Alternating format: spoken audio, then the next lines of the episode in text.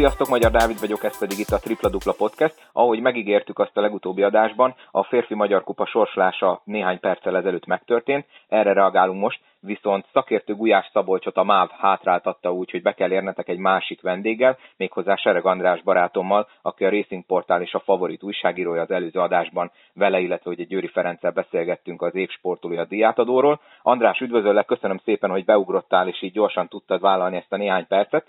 Mi számodra a legfőbb tanulság ebből a sorsásból? Ki az, aki nagyon pórul járt, illetve ki az, aki nagyon jól járt szerinted? Köszöntöm a kedves hallgatókat, a Dupla Podcast hallgatóit. Először is azzal kezdeném, hogy válaszolnék a, kérd- válaszolnék a kérdésedre, hogy én nagyon-nagyon örülök, hogy végre hiába európai trend, elmozdultunk ettől a, négy, ettől a nyolcas döntő lebonyolítástól, mert ahogy Bodnár Péter főtitkár is mondta, ez sokkal szurkolóbarátabb, sokkal könnyebben tudnak tervezni a csapatok szurkolói.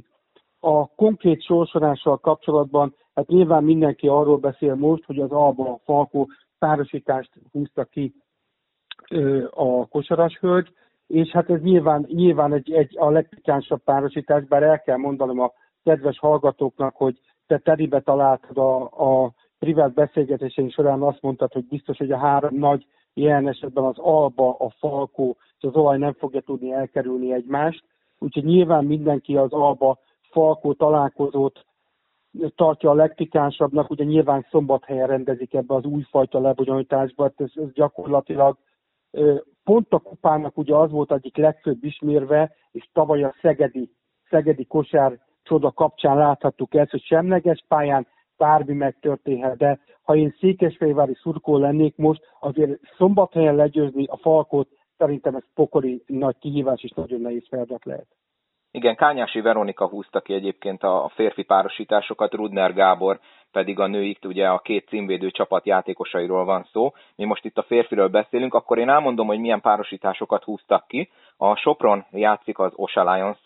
itt szerintem a soproniak nem annyira szomorkodnak, nem lebecsülve természetesen az oroszlányt. A második párosításban a Szolnok az Zalaegerszeggel, azért ez se egy olyan nagyon egyszerű mérkőzés a címvédőnek, hiába játszik majd hazai pályán az olaj, és ennek a két mérkőzésnek a győztese találkozik majd az elődöntőben, tehát ez a felsőág, és akkor a már általad említett a sláger párosítása Falkó Alba Fehérvár, az első a harmadik helyezett ellen, illetve hát ugye most már lehet, hogy nem is a harmadik az Alba, de nem is ez a lényeg, hanem hogy a másik, az utolsó párosítás pedig az atomerőmű a Kecskeméttel játszik, és akkor ennek a két mérkőzésnek a győztes értemszerűen majd a másik elődöntő párosítását fogja adni, a már valószínűleg a tüskecsarnokban rendezett négy, négyes döntőnek az első napján. Tehát én akkor azt mondom, hogy nyilván a Fehérvár járt a legrosszabbul, de én szerintem itt a nagy nyertes az ilyen szempontból a Sopron, mert ha most itt ránézek a nyolc részrevevő csapatra, akkor a legrosszabb formában az oroszlány van, bár itt akkor gondolom te egyből rákontráznál, hogy de nem most lesz majd a kupa döntő, hanem jó. Hát mennyi? Három hónap múlva. Pontosan így van, hogy addig még bármi történt, hát gondoljunk abba, hogy az olaj, pontosan én kiírtam gyorsan a, a telefonhívásodra várva gyorsan kiírtam a négy bajnoki eredményt, ugye mind a nyolc találkozó, vagy mind a nyolc csapat találkozott már az ellenfelével egyszer. Hát a Sopron az 76-64-re verte az osét, de az Zete olaj, és ugye a Zetét húzták elsőként, de a lebonyolítás szerint az olaj fog hazépán játszani a magasabb ranglista pozícián köszönhetően. 84-80 volt az olaj Zete bajnoki. Tehát pontosan az van, amit te mondasz, Dávid, hogy azért, azért a szónok szurkolóinak igencsak, igencsak vissza kell egy kicsit az agyaraka, és az nem beszélünk arról, hogy az ETE milyen bravúr győzelmet adott múlt héten Székesfehérváron, de a kérdésedben egy picit meg is válaszoltad ezt, hogy azért április első hétvégén még messze van. Igen, és ha az előbb azt mondtam, hogy a fehérvári szurkolók nem örülnek, akkor ez valószínűleg igaz az alaiakra is, mert uh, tulajdonképpen nyilván szerették volna a Falkó Alba Szolnokból, mindenki szerette volna őket elkerülni, tehát igazából az Alegerszeg is azért a, a rossz végén van annak a bizonyosnak most, mert Szolnokon nyerni, és megint csak azt tudom mondani, hogy nyilván három hónap múlva bármi lehet, lehet, hogy addigra még több sérültje lesz a Szolnoknak, bár remélhetőleg ez már nem történik meg, mert ennél több már nem nagyon lehet, de most nyilván mi most a jelenlegi tudásunk szerint próbáljuk megnézni, hogy mi várható ezekben a párosításokban. A szerinted, hogyha mondjuk a, a Kecskemét vagy Paks bőrében vagy, akkor, akkor örülsz ennek a párosításnak, csak hogy egy kicsit róluk is beszéljünk? Pontosan, pontosan ugye azt akartam az előbb mondani, hogy arról az egy találkozóról még nem beszéltünk. Ott a KTA se 69-74 volt a bajnoki, ennek megint csak azt mondom, hogy áprilisban nem lesz jelentősége. Én az asét ugye láttam, a Honvéd ellen tudósítottam róla, egy győzelmet engedtek ki a kezükből. Talán azt lehet mondani, hogy a KTA is jobban kezdte a szezont, mint ahol most tart jelen pillanatban. Én azért azt gondolom, hogy azt gondolom, hogy hát ott is ugye hazai pálya, de talán ha ma lenne a meccs, akkor a KT-et kicsit esélyesebbnek tartanám, de nagyon nehéz így, hogy, hogy április, megtippeljük, hogy áprilisban melyik csapat milyen formában lesz, és ami nagyon-nagyon fontos, és ezt nem győzzük hangsúlyozni, hogy kit milyen sérülések érnek el addig. Igen, ugyanis a alapszakasz legvége után lesz közvetlenül megrendezve még a rájátszás előtt ez a, a kupa hétvége, illetve hát most akkor kupa hétnek fogjuk nevezni, mert valahogy ott a hét első felében lesznek a, a hazai mérkőzések ugye a negyed döntőkben. Ezek az időpontok majd nyilván a csarnok kihasználtságtól függően gondolom ilyen de magasságára lesznek belőve. És akkor beszéljünk egy picit arról, te ugye üdvözölted ezt a döntést, hogy a nyolcas döntő része el lett engedve. Arról mit gondolsz, hogy ugye Bodnár Péter a közvetítésben, ha jól emlékszem, azt mondta, hogy a, mivel ugye bekerültek FIBA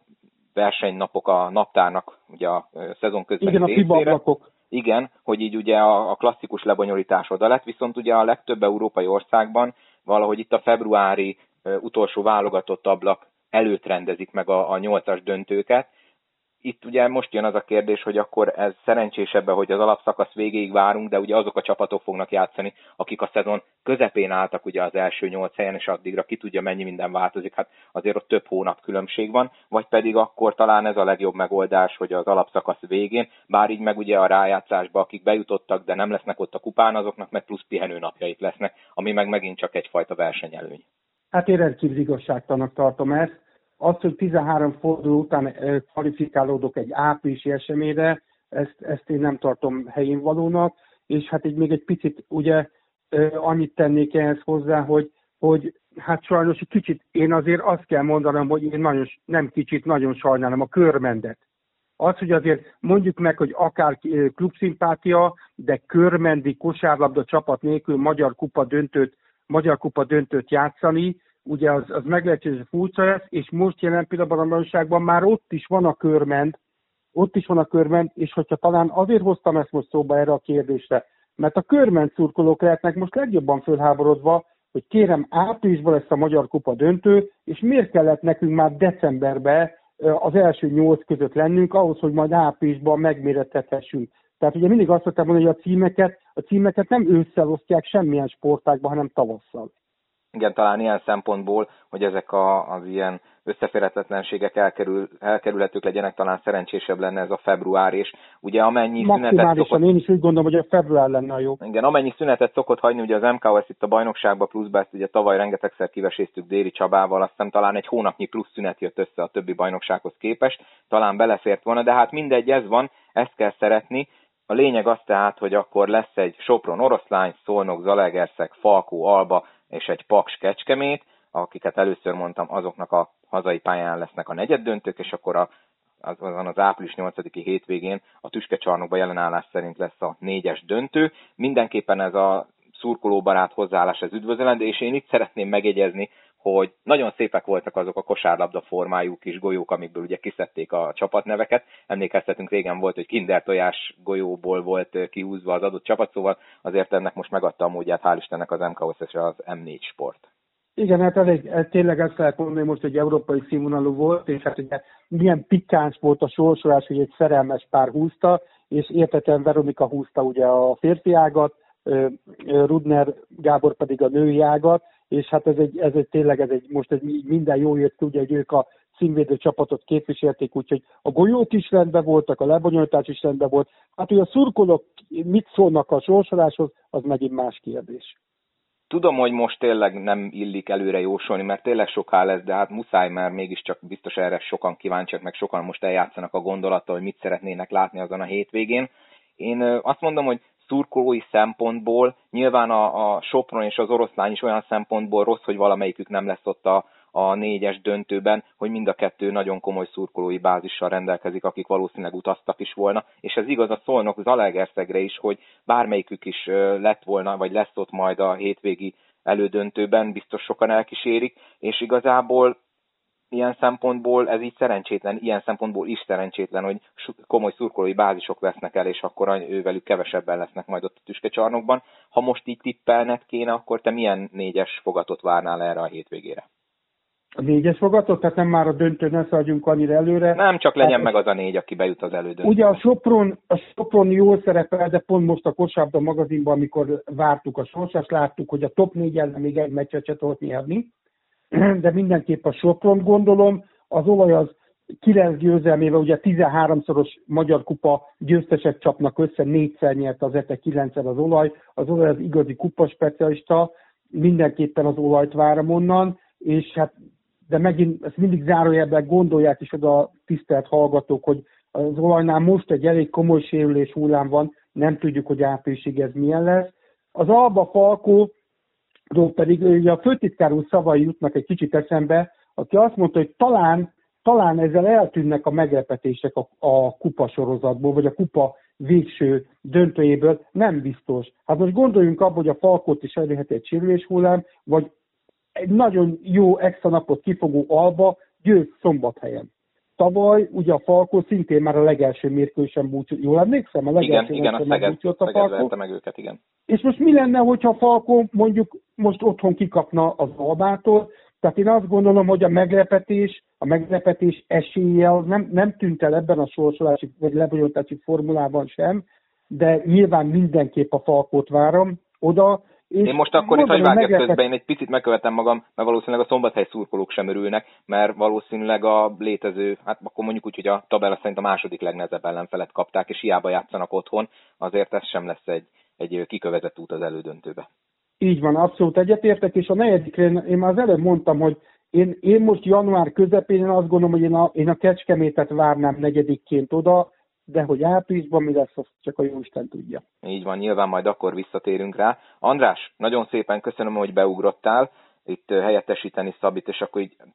Nyilván nem tudtunk most ennél többet beszélni erről, mert tényleg még messze van, ha mondjuk két vagy három hét múlva lenne megrendezve ez a kupa döntő, akkor sokkal több okosságot elmondhattunk volna, aztán ki tudja, hogy mennyire jól öregszenek majd ezek a gondolatok tőlünk, majd áprilisban lehet, hogy visszanézünk rá. Én itt magamat is szeretném megint megdicsérni, mert ugye én itt hangoztatnám a podcastba, hogy a top 3 az nem fogja megélni az elődöntőt, mert valakit összesorsolnak, és ugye, ahogy mondtad is, privátban én a Falko Albát vártam. Úgyhogy András, köszönöm szépen.